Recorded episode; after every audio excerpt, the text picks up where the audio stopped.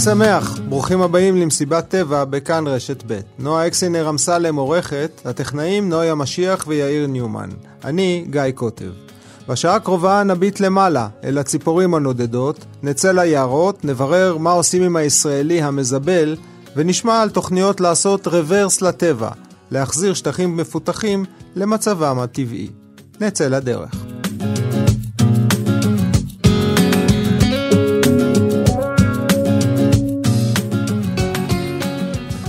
עכשיו נרים ראש ונגיד שלום לכחצי מיליארד ציפורים נודדות שעוברות מעלינו בנדידת הסתיו שהחלה.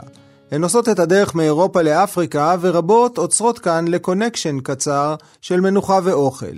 לפעמים נשארות ללילה, יש מעופפות שנשארות גם כמה שבועות. אמיר בלבן מהחברה להגנת הטבע מחכה להן עם משקפת ומצלמה ענקית. לא מוכרחים ללכת רחוק, הוא אומר, הן נמצאות בכל מקום. השמיים נפתחו, זהו, הקיץ מאחורינו, הסתיו בעיצומו, והציפורים נודדות במיליונים מעל מדינת ישראל. כל אנשי החברה להגנת הטבע וכל מי שעוסק בשמירת טבע במדינת ישראל עכשיו לא נותר לו אלא לספור ולוודא שהם יעברו אותנו בשלום. זו לא משימה פשוטה, כי אנחנו פה, מה שנקרא, עושים להם צרות צרורות, טורבינות, כבלי חשמל, ושלא נדע, ומחסלים שטחים פתוחים, אבל יחד עם זאת, אנחנו מצליחים לראות כמויות מאוד יפות של עופות דורסים שנודדים עכשיו. באמצע חודש אה, ספטמבר, יער ביריה זה מקום מדהים לראות את כל ההמראות המשגעות של העיתים. חסידות, אמצע ספטמבר כבר מסיימות. חופמאים מהחוג הארקטי מאכלסים את כל בתי הגידול הלכים לאורך הים התיכון, ובמדבר כל נווה מדבר, אם הוא, אם הוא לא מזוהם, הופך למגנט. אז אם אתם מטיילים בחול המועד במדבר, תהנו מהמעיינות, אבל תנו לציפורים מקום, אל תלחצו יותר מדי, וכמובן מי שמגיע עד אילת, זה לא רק בלאגנים וקרחנות, יש לנו שם תחנת אה, מחקר מדהימה, ועוד כמה תחנות לאורך הדרך. מהחולה דרומה עד אילת, תבואו... מה אנחנו פוגשים? גם דורסים, גם הכל, חסידות? הכל, אנחנו פוגשים הכל. כל מה שבורח מאירופה מפני הקור, השלג, הצרות האקלימיות, עובר דרכנו בדרך לארץ המובטחת, אפריקה. עכשיו מ... אמרת רגע, אל תלחצו יותר מדי. אנשים שיוצאים היום לטייל בראש השנה או בהמשך החגים, מה אתה רוצה שהם לא יעשו? אז כל אלה שמעיפים כל מיני טרקטורונים מעופפים, אל תיכנסו ללהקות. עם הרחפנים תרגיעו, והכי חשוב, כשאתם מגיעים למעיינות או בתי גידול אחים, תבואו, תהנו, אפילו תסחו, אבל תשחררו, אל תישארו שם לישון על המקום, כי זה לא רק הציפורים, זה גם היונקים. כולם צריכים את המים האלה בסוף הקיץ, יש מים במשורה, אז אנחנו צריכים להתחלק. זה הדבר הכי חשוב, ותמיד לשמור על מרחק, ואם אתם אוהבים צלם, פי, זו העונה. עכשיו, שומעים אותך ואומרים, יאללה, בוא נלך לראות ציפורים. לאן אני לוקח את עצמי כדי לראות ציפורים? לא אנשים משוגעים כמוך ששוכבים לילה שלם כדי שיצא איזה חופמאי נדיר מאיזה סבך. מה שיפה בעונה הזאת שזה כמעט בכל מקום, בכל עיר, בכל חוף, בכל אתר יש מלא ציפורים. אז עדיף לא לנסוע אפילו, לאתר את האתר טבע הקרוב לבית, בעיר או בכפר, מקומות ספציפיים, עמק החולה, מטרף, רמת הגולן, משגעת, חוף עכו, יפהפה, מלא חופמאים שם על טבלאות הגידוד, אז אפשר לשלב גם רחצה בים וגם תצפית בציפורים. נחל תנינים, חוף ג'יסר, וואו, איזה יופי, לעמוד על תל תנינים ולראות את עופות הים נודדים מעל הים, שיגעון, שלא לדבר על כל הציפורים על טבלאות הגידוד. כמובן ירושלים, תחנה לחקר ציפורי ירושלים פתוחה, עמק הצבעים, תל אביב, ראש ציפור, משגע, שלא לדבר על עוד אתרים בתל אביב עצמה, שכל הפארקים הגדולים האלה, בעיקר אזור תל ברוך, מושכים המון המון עודדים שמגיעים מהים, וגם בדרום, פארק באר שבע, בכל עיר, זה לא משנה אם אנחנו בצפון, במרכז או בדרום, יש ציפורים, הן מגיעות... הטריק היפה עם הנדידה שצריך רק להרים את העיניים, הרי אתה לא מדבר פה על אה, לך תקנה כרטיסים לכל המשפחה ותשלם על איזה אטרקציה. אתה אומר, שבו באיזושהי נקודה שהיא לא אמצע העיר, תפתחו את העיניים, תרימו את הראש. תרימו את הראש, תקחו את העיניים, ועוד דבר שהוא מאוד uh, מועיל, זה טוב לקום מוקדם בבוקר, כי הן מגיעות יחסית עייפות, ואז הן גלויות. במהלך היום הן כבר מתח... מתחילות להתעסק בתדלוק. בעצם ישראל היא תחנת תדלוק. עכשיו קצת ביאסת את המאזינים שאומרים כמה מוקדם אני קם בחגים בשביל ציפורים. זה נורא תלוי בגיל. הקטנים קטנים קמים מוקדם וגם הזקנים קמים מוקדם. אז אה, שהסבא והסבתא ייקחו את הנכדים וייתנו לאבא ואימא קצת מנוחה וכולם יצאו מורווחים. אז כמה מוקדם זה מוקדם? אה, אה, הכי טוב זה אור ראשון. אבל גם 8, 9, 10 סבבה, הטמפרטורות יורדות עכשיו, אז הפעילות נמתחת אל אמצע היום גם.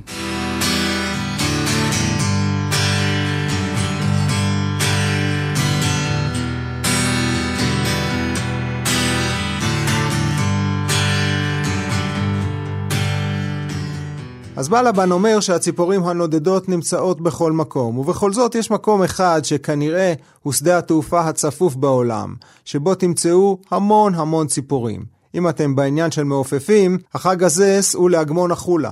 ענבר שלומית רובין, מנהלת השטח באתר, מבטיחה מפגש עם המוני מעופפים. אז לכבוד השנה החדשה, קודם כל נצבענו בוורוד, יש פה אה, מעל 200 פלמינגו שנמצאים פה, ועושים לנו רק ורוד וטוב לעיניים, קצת אופטימיות. איתם נודדים עכשיו אה, הסכנאים הגדולים והמרשימים. שבדרך כלל עוצרים פה ללילה אחד ולמחרת בבוקר כבר ממשיכים בדרכם לאפריקה. עופות דורסים מאוד מרשימים, אה, במספרים מאוד יפים, איות, דיות, כבר עוברים את השמיים. והציפורים היותר קטנות, ברווזים למיניהם, חופמאים, שלדגים, שמחה, שמחה גדולה, וציפורי שיר כמובן. אנחנו אומרים את זה פעמיים בשנה אה, בנדידת האביב וכעת בנדידת הסתיו. זה המקום להגיע אליו כעת, החולה. זה ה connection הכי גדול בעולם. לגמרי, לגמרי, זה באמת אה, חגיגת טבע וחוויה, אני הייתי קוראת לה אפילו רוחנית, רגע לעצור את מרוץ החיים המטורף לעצור, לנשום, להסתכל על השמיים, להסתכל מסביב, ליהנות מהסאונד, ליהנות מהמראות המרהיבים, וזה לא מובן מאליו, זה לא מובן מאליו שכל שנה מחדש הן באמת בוחרות בנו, הציפורים הנודדות. גם לעצור פה, חלק נשארות איתנו כל החורף, וזו חוויה מומלצת לכולם. אז אם... כמאמר השיר, השנה נשב על המרפסת ונספור ציפורים נודדות. או על האופניים בשבילים אצלכם, או אפילו ברגל. נכון.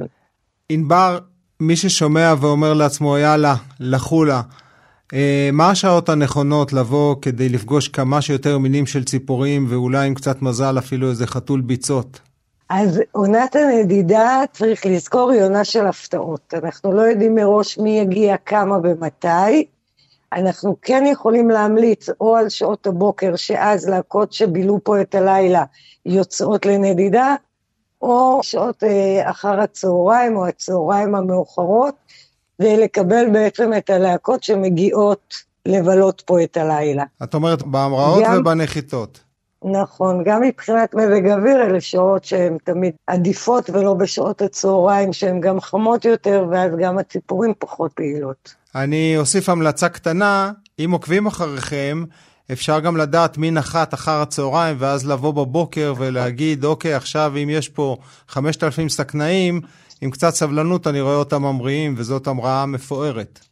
לגמרי, לגמרי, ויש גם, אפשר להיכנס אה, לאתר האינטרנט שלנו ושל קק"ל, קק"ל שמו פה שמונה מצלמות בשידור חי מהשטח, ככה שאפשר באמת בכל רגע נתון ממש לראות מה קורה פה. יאללה, אז לקונקשן הבא. ענבר שלומית רובין, כיף לך שזו העבודה שלך, תודה רבה. תודה, ושנה טובה שנה ונפלאה טובה. ומתוקה לכולנו.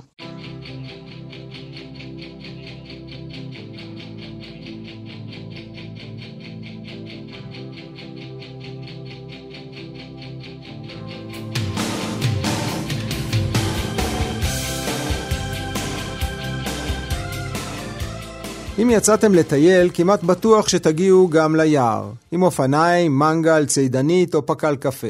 הקרן הקיימת לישראל מנהלת את השטח המיוער בישראל ונאבקת בשרפות, בוונדליזם ובהררים של זבל. דוקטור שני אוהטין בליץ, רכזת מחקר וקשרי חוץ באגף הייעור של קק"ל, מתארת את האתגרים של ההגנה על היער בעידן של שריפות ענק בעולם שמגיעות גם אלינו. קק"ל מנהלת שטח של יער של כמיליון דונם, שמורכבים גם uh, מיערות מחתנים שניטעו פה כבר uh, uh, לפני בין 60 ל-80 שנה. גם הרבה שטח של יערות מעורבים, חורש ים תיכוני, יערות אלונים, אקליפטוסים, רחבי עלים. ובסך הכל אה, אפשר להגיד שהם במצב טוב. עם זאת, אה, אנחנו נמצאים בתקופה גם של אה, הרבה משברים. יש לנו מיליון דונם על הראש שלכם, זה הולך ומצטמצם, כי אנחנו יודעים שמצד אחד יש נטיות, מצד שני השריפות פוגעות כמעט uh, מדי שבוע, אנחנו מקבלים את הדיווחים העצובים האלה על עוד יער שחור. נכון. אז השנה היו כבר uh, כמעט uh, 300 אירועים של שריפות. אחד האיומים הגדולים על היער הם לא רק השריפות, אלא דווקא גם הפיתוח. שטח היער מצטמצם כי אנחנו גדלים, בישראל האוכלוסייה גדלה בקצב מהיר מאוד, ולכן אנחנו לצערי נאלצים לוותר בהרבה מהמקרים משטח פתוח, יפה וחשוב מבחינת ערכי הטבע שלו וערכי התרבות שהוא נותן. לטובת אה, צלילה, לטובת, לטובת פיתוח אה, עירוני. בדיוק, תשתיות ופיתוח עירוני, כן. מה החשיבות של היער בעבורנו? ליער אה, בישראל יש אה, תפקיד מאוד גדול. מדינה מאוד צפופה, כולנו יודעים את זה, אה, וגם מדינה מדברית, והיער נותן לנו בעצם שטחים שהם מוצלים עם עצים, שטחים שמאפשרים לנו גם לנופש וטיילות, לבלות בחופשים, בחגים, וסתם ככה בזמן הפנאי שלנו. מעבר לזה, ליער יש תרומה חשובה מאוד גם מבחינת ערכי טבע. היערות היום מבינים, אנחנו יודעים, אחרי סקרים לא מעטים שעשינו ביער, וניטור אחרי הבעלי חיים והצמחים המיוחדים שגדלים ביערות, אנחנו יודעים שהם מהווים נדבך מאוד חשוב במסדרונות האקולוגיים בישראל, בעצם ברצף האקולוגי של מערכות אקולוגיות טבעיות שחשוב מאוד לשמור עליהם בישראל, ולכן חשוב שנמשיך לשמור ולהגן עליהם. אבל ליער יש תרומה נוספת, אם זה קיבוע פחמן אה, ביערות, ואם זה שמירה על אה, סחף קרקע. שהעצים אה, בעזרת השורשים שלהם בקרקע יודעים לעשות. כלומר, הוא עוזר לנו להיאבק במשבר האקלים. נכון. בעצם היער יודע בעזרת כל מיני תהליכים טבעיים למתן את ההשפעות של משבר האקלים. אבל אנחנו עוזרים לו פחות ליער שלנו. אנחנו מטנפים אותו, אנחנו מבעירים אש במקומות שאסור, אנחנו לא יודעים לאהוב את העצים כפי שמגיע להם אולי. אז uh, לצערי עדיין יש uh, פעילות בישראל שבאמת uh, פוגעת ביער, הזכרת באמת גם את הטינופת, את השלכת פסולת, אז זה גם השלכת פסולת האישית של אנשים שמשאירים את הזבל שלהם וגם ממש פסולת בניין שמושלכת ביערות ובשטחים הפתוחים ומאוד פוגעת בשטחים האלה. אנחנו צריכים לעבוד גם על החינוך, קק"ל עוסקת גם בזה. לדעת איך אה, לחנך את הדור הבא שיבין את כל הערכיות הגבוהה הזאת שיש ליערות ולמה חשוב לשמור עליהם. ומצד שני גם לעשות את הפעולות שנדרש בשביל למנוע את זה בשטח. נצא רגע מהמיליון הדונם הקטנים שלנו. אין יום שבו אנחנו לא קוראים על שריפות יער אה, עצומות שמשתוללות בעולם. באחרונה זה היה קנדה ויוון והוואי. ובכל פעם כזאת אתה רואה את התמונות האפוקליפטיות האלה. ויש כבר לא מעט במקומות שקראתי, אה, משתמשים במושג הזה של עידן השרפות. אנחנו כבר שם? אה, לגמרי. לצערי אנחנו שם, היה לנו גם אה, בקיץ, בתחילת הקיץ אירחנו פה נציגים משירותי ייעור באגן הים התיכון, וזה ממש הנושא שהכי מטריד את כל מנהלי היערות באזור הזה, ולא רק פה, באמת גם בקנדה ובארצות הברית. אמ, דווקא עכשיו שאני נמצאת אה, ככה עמוק בתוך העשייה בנושא הזה, אני חושבת שאפשר להיות אופטימיים אם נמצא את השותפים הנכונים אה, לייצר גם את החוקים המתאימים שיגנו על היערות, אם זה בארץ ואם זה בעולם. נשתף פעולה אנחנו גם עם גורמים בחו"ל. אז אני חושבת שאפשר להיות אופטימיים ולהאמין שהיערות, אה, יש להם עוד עתיד והם יוכלו להתחדש באופן טבעי אה, או גם בעזרתנו. נדרש פה הרבה עבודה שלנו ושל מקבלי החלטות. אז למרות שזה ראש השנה שלנו ולא ראש השנה לאילנות, ננצל את ההזדמנות שאת איתנו לומר תודה רבה ליערות וכמובן לקק"ל ולך. תודה רבה, תודה רבה. שני. תודה, גיא.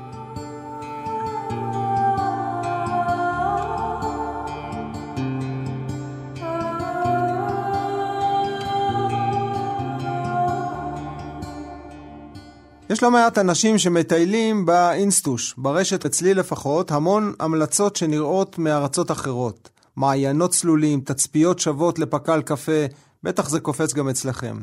כמה זה קרוב למציאות שנדע לפני שאנחנו נכנסים לאוטו ושמים בווייז את הנקודה שמבטיחים לנו שם. שלום נועה אקסנר אמסלם, עורכת התוכנית וגם תאילנית מלידה. נכון, היי גיא. אמ, אז כן. אמ, אמיתי? אמיתי. נגיד ב-95% מהמקרים זה אמיתי. אז כן, מי לא יצא לפתוח את האינסטגרם או את הטיקטוק אפילו בשביל לטייל את ה...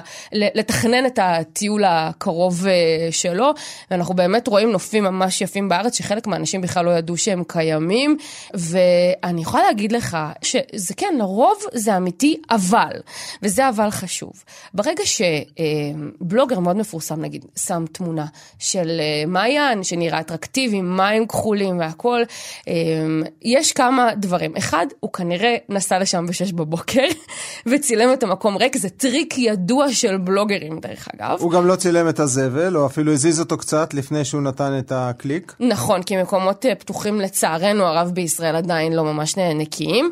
וגם, מעבר לזה, יש מקומות בישראל שפשוט עדיף לא להתקרב אליהם בחודשים מסוימים, כי יש כמויות לא נורמליות של אנשים בהם. אבל למשל... יש לנו באמת כל כך הרבה פינות נסתרות שאיש לא שמע עליהן. הרי בסוף אתה מתרשם שכולנו הולכים לסחנה ויש עוד 4,000 מעיינות נפלאים, נקיים וריקים.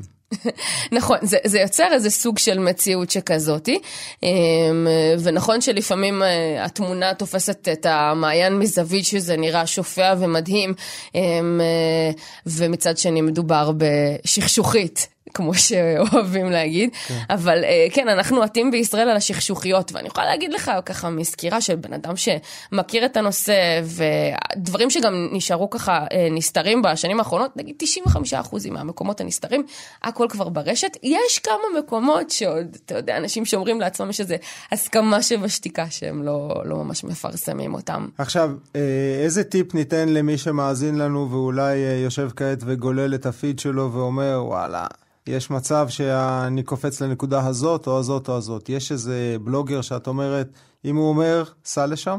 אז דבר ראשון, נחלק את הטיפ לכמה. מבחינת אה, איך אנחנו בודקים שהמקום הוא מציאות, אפשר באינסטגרם, יש בעצם איזשהו סנן שלוחצים על מיקום, ואז אתה מקליד את שם המיקום.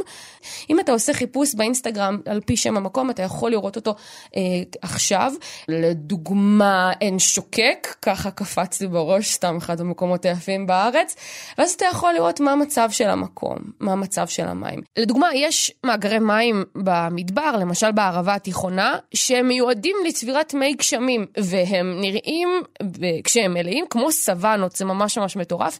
למשל, מאגר אשת, אחרי שיטפונות, אחרי שיורד הרבה גשם, הוא נראה כמו אפריקה, והוא מושך הרבה מאוד אנשים אה, שמגיעים אליו, ואז אם אתה מגיע ושמעת עליו נניח באפריל, אם תגיע אליו בספטמבר, אני בספק אם תמצא שם מים. אה, יש גם דיווחים בזמן אמת בקבוצות אה, קהילות פייסבוק שונות, ומבחינת בלוגרים, אני מאוד ממליצה על כמה. אה, יש את אה, הבנות של בשביל המשפחה, שהן באמת חשפו מסלולים נוחים ונגישים, גם דרך אגב לעגלות, גם לילדים, בכל מיני מקומות, וגם ארץ דגן ממש מעניין, ומראה כל מיני פינות שאולי אפשר גם להגיע אליהם עם 4 על 4 וילד טבע, אבל בכל מקרה, כן, זאת דרך מאוד מאוד טובה לבדוק את זה, דרך האינסטגרם.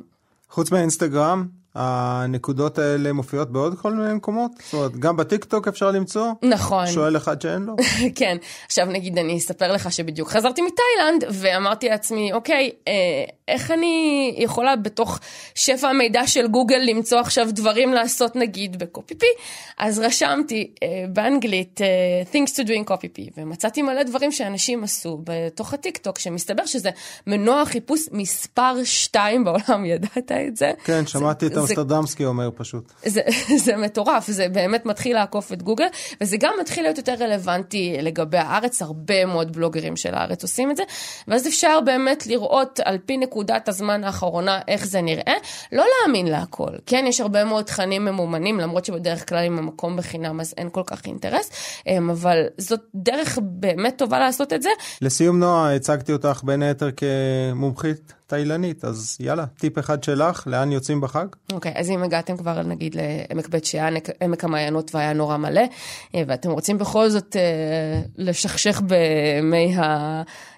נחל הקרוב לביתכם שם, אז במינוס 200, אזור אה, נווה איתן, יש מה שנקרא בריכת אבוקה, אה, מתוך נחל שנשפך לשם. אה, זה מאוד יפה, יש הרבה פינות לשבת מסביב, אם נכנסים ילדים אז כמובן בליווי של מבוגר. ממש יפה, ממש חמוד, יש גם היסטוריה בנושא, אפשר לפתוח בגוגל ולקרוא. אז בריכת אבוקה, זה קצת דרך עפר, אבל זה כן אפשרי בפרייבט, ממש ממש מומלץ. יאללה, מקסים. והטיפ שלי? יאללה, תן. סעו לחירבת הלקט, בין נחל אילן לדרך המשלטים, לא רחוק משער הגיא, תצפית מקסימה אל השפלה. כמו ירושלמי טוב, אני לא אמליץ לכם על מקום עם מים, אבל פשוט מקום מקסים, עם היסטוריה מטורפת, ועם רגע אחד לנשום את האוויר ההרים, ואז תחזרו הביתה שם למרכז. נחוץ. תודה, נועה. תודה, גיא.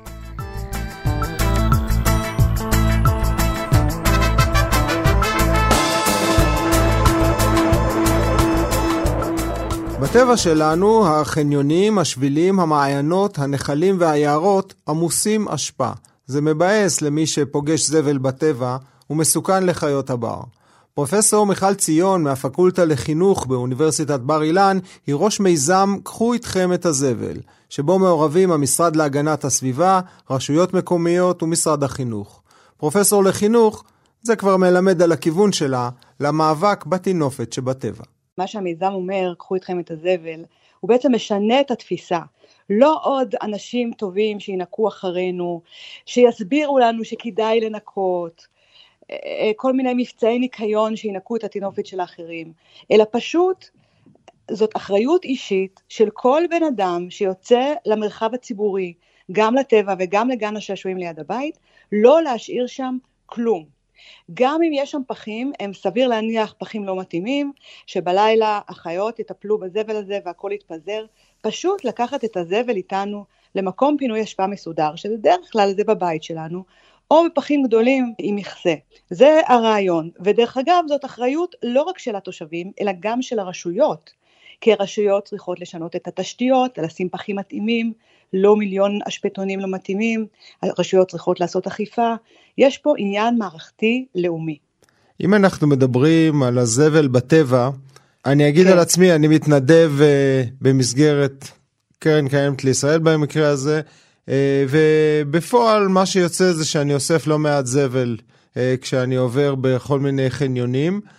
והרושם שלי לאורך השנים שבהן מדברים על חינוך ועל הסברה, אה, בהיעדר אכיפה, ששום דבר לא עובד. יש את הפראיירים שהם אוספים את הזבל, ויש את אלה שבאים לפניהם ואחריהם ומשאירים את הזבל בשטח. נכון, אז זה בדיוק מה שאנחנו אומרים, אבל מה שאני יכולה לספר, שבעקבות המיזם קחו איתכם את הזבל, אנחנו כבר בני, המיזם בן שלוש בדיוק, אז הצלחנו לסדוק כמה תקרות זכוכית בכל מיני רשויות.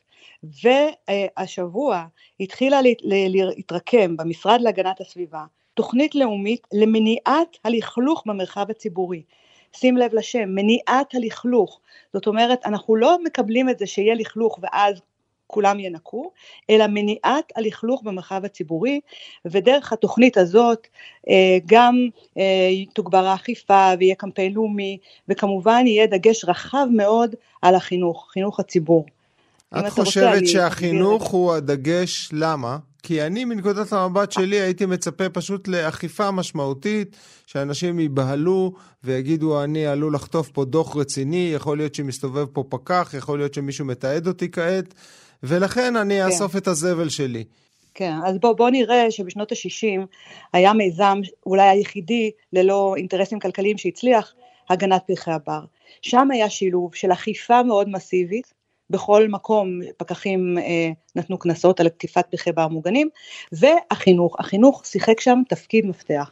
זאת אומרת, זה לא רק החינוך, זה בפירוש, אמרתי, תוכנית מערכתית, אבל לחינוך יש תפקיד מפתח, כי מי שהסביר להורים ולמבוגרים ובכלל לכל עם ישראל לא לכתוב פרחי בר, והראו דוגמה אישית, היו הילדים של שנות ה-60, ועכשיו מה שצריך לעשות זה באמת שכל מערכת החינוך תתגייס הילדים, הנוער, אה, בחינוך הפורמלי, על הבלתי פורמלי, להסביר ולהנגיש את הקונספט החדש.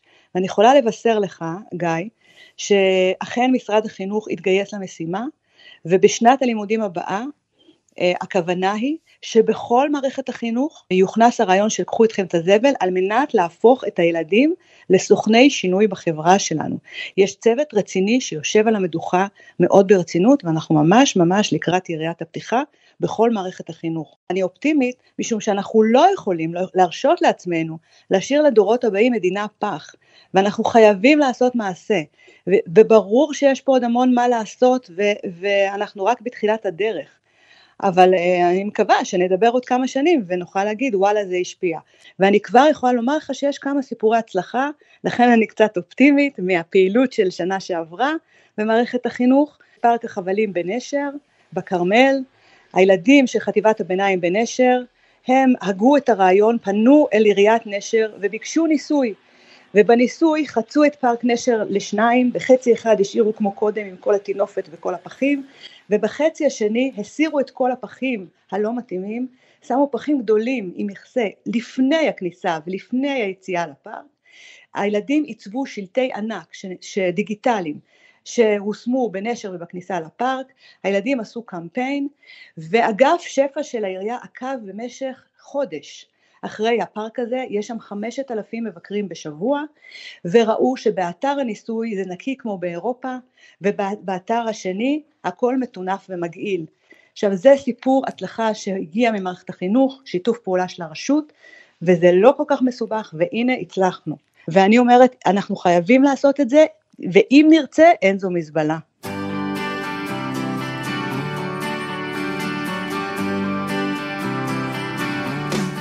ליד כפר רופין יש אתר טבע חדש-ישן, משגשג ומוצלח, עופות מים, חתולי ביצות, ציפורי שיר וזוחלים סביב מקווה מים טבעי. למה חדש-ישן? כי מדובר בשטח שעבר rewilding. היה שטח חקלאי, אנשי החברה להגנת הטבע עם אנשי הקיבוץ החזירו עם הרבה מאמץ את הגלגל לאחור. עשו רוורס לטבע. ה rewilding, מושג שאין לו עדיין מילה מוסכמת בעברית, מגלגל עשרות מיליארדי יורו ודולר במדינות רבות בעולם. בישראל זה מתחיל כעת. יעל המרמן סולר, אדריכלית ויועצת תכנון סביבתי, מקדמת rewilding בישראל ואומרת לנו, זה למען העתיד של כולנו. לא של הטבע, של המין האנושי. rewilding זה ממש כמו שזה נשמע, אה, חזרה לטבע, חזרה של אה, הטבע ש... בייתנו במשך שנים והפכנו אותו למתאים לאדם, אם זה לחקלאות או לגינון או לצרכים אחרים שאנחנו, ציבוריים שאנחנו משתמשים בהם, אה, והחזרה שלו למה שהטבע רגיל היה רוצה להיות. אולי המילה הנכונה בעברית זה התפרעות או פירוק באלף, האמת שעוד אה, אין, אין מילה אה, מוסכמת בשפה העברית. איך עושים רוורס לטבע? אנחנו יודעים שאנחנו הולכים לעולם שיש בו יותר אספלט ויותר בטון ומתכת, והרבה פחות ירוק וגם פחות מים. איך עושים את הרוורס הזה? אז קודם כל, אה, בדיוק האספלט, אה, אחד, אחד המושגים שקשורים עם, עם המושג הזה, rewilding, באנגלית זה גם depaving, זה בדיוק הנושא הזה של הסרת האספלט, הסרת אותם דברים שחוסמים את ה, מהמים לחלחל, מהמים אה, לשהות, להגיע לבטן האדמה, למה שאנחנו מכירים כאקוויפר, שכבת המי תהום הזאת.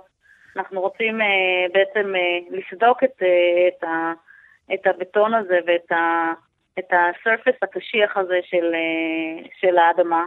כדי שהמים יחלחלו ולא יחליקו וישטפו את כל הטינופת אל הים. אל הים, אל הנחלים, אל כל מה שסביבנו, אל השטחים הטבעיים שכן נשארו. אנחנו באמת uh, הולכים בכיוון מאוד מאוד uh, מסדר, מארגן, מהונדס, והריוולדינג מנסה להחזיר את זה קצת אחורה. כמה הוא מצליח? קודם כל זו תנועה שהחלה בעולם, ואחד הדברים המשמעותיים שמדברים עליהם היום ממשבר האקלים, מדברים באמת על הריוויילדינג, שרק לטבע יש את היכולת בעצם לשקם את כדור הארץ, שהלך ונפגע במשך השנים. אז בעולם אנחנו רואים הצלחות מאוד מאוד גדולות בהרבה מאוד מקומות, וגם בישראל יש לנו כמה דוגמאות שקרו בשנים האחרונות, ויותר ויותר הולכים לכיוונים האלה, בעולם הנחלים, גם בעולם השטחים המוצפים, או כמו שאנחנו רגילים אה, להסתכל עליהם כביצות, אה, אגנים לחים, מה שנקרא במונחים מקצועיים. בעולם יש דוגמאות ככה יותר משמעותיות, ממש כמו שאת אומרת שקולף אספלט ושטח אה, בנוי הפך לטבעי? אז קודם כל בעולם יש הרבה מאוד דוגמאות. אחת הדוגמאות אולי המשמעותיות שאני מכירה זה דווקא דוגמה שמתעסקת בעיר, בפילדלפיה. העיר פילדלפיה לדוגמה עשתה איזשהו מהלך שבא מתוך uh, בעיה קשה שהייתה להם הנדסית, בעיה של שיטפונות מאוד מאוד קשים, ובעיה של ערבוב בין uh, זיהום של uh, מי ביוב למי נגר, שזה מים שהם טבעיים. למעשה, במקום לבחור בשיטה הנדסית של עוד פעם צינורות מאוד מאוד גדולים שנמצאים בבטן האדמה ואוספים את המים האלה לכאן והאלה לכאן, הם בעצם הלכו לחשיבה אחרת, שבה כל אזור של אספלט שהם יכלו לקלף הם לאט לאט קילפו אותו, אם זה רחובות שהם הפכו את השדרות הציבוריות שלהם, אה, במקום עצים בתוך שדרה, בתוך חדניות קטנות, הם בעצם פתחו אזורים שלמים לגמרי ונתנו אה, בעצם לטבע לעשות את שלו ונטעו שם עצים אה, שמשחזרים את מה שהיה פעם, אם זה אזורים של נחלים שהם חשפו בחזרה לאוויר העולם והפכו אותם לחלק מהמרחב הציבורי, גינות של בתי ספר, חצרות של בתי ספר שהיו מכוסות בטון, אה, בעצם פתחו אותם למרחבים טבעיים אה, פורחים, וככה הם הצליחו מצד אחד להתמודד גם עם הבעיות הקשות של אה, ההצפות שהולכות ומתגברות בחורף בגלל שינויי האקלים, אבל גם לייצר סביבת חיים הרבה הרבה יותר נעימה, גם מבחינת אקלים, אבל גם מבחינה אנושית, מקום מפגש ומקום ש... בעצם האדם יכול להתחבר מחדש אל הטבע. עדיין יש אה, איזשהו חשש מההליכה לכיוון ה rewilding, כי קשה למדוד את זה לאורך זמן. בעצם נורא נורא קל לתת איזשהו מספר שמהנדס בא ואומר צריך קופסה בגודל כזה וכזה, ואנחנו נוכל אה, לטפל בכך וכך מים, אבל בעצם רואים שב rewilding אנחנו מצליחים לטפל בהרבה הרבה יותר מהמים וגם להרוויח מהם יותר, וה... השיטה הזאת היא מרובת תועלות, בעצם היא נותנת תועלות גם לאדם, גם לסביבה וגם לסכנות uh, שצפויות. Uh, אז כן, אז רואים, רואים כבר uh, שינוי חשיבה, לשמחתי. אנחנו לא עושים טובה לטבע, נכון? אנחנו עושים את זה בעבורנו בסופו של דבר. אנחנו ממש לא עושים טובה לטבע, אולי הטבע עושה טובה לנו, כי הוא מסכים להשתקם כל כך מהר. ואולי גם הדרך הטובה להסתכל על, על זה שמים בעצם משקמים מרחב בצורה מאוד מאוד מהירה. ברגע שיש מים זורמים ומאפשרים להם לזרום, אנחנו רואים שיקום מאוד מאוד מהיר. אנחנו רואים לפעמים תוך שנה שינוי של 180 אה, מעלות של מה שראינו קודם, אזור פגוע ומוזנח, וברגע שמים מוזרמים שם במשך שנה אחת, אה, והאזור מתחיל לתפקד מבחינה אקולוגית, אנחנו רואים שינוי מאוד מאוד מהיר. הנושא של הריוולדינג הוא בינתיים עוד קצת פחות חזק, או הוכיח את עצמו באזורים שאין בהם אה, שטיפה טבעית של מים. ושם אנחנו צריכים אה, לבחון איך עושים את זה בצורה יותר אה, נכונה, יותר מיטבית, אבל בעצם הטבע עושה לנו טובה.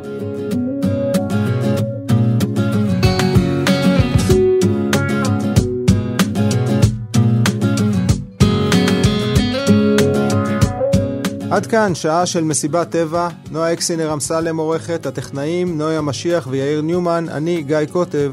צאו לטייל, שמרו על הטבע שלנו, והוא ישמור עלינו.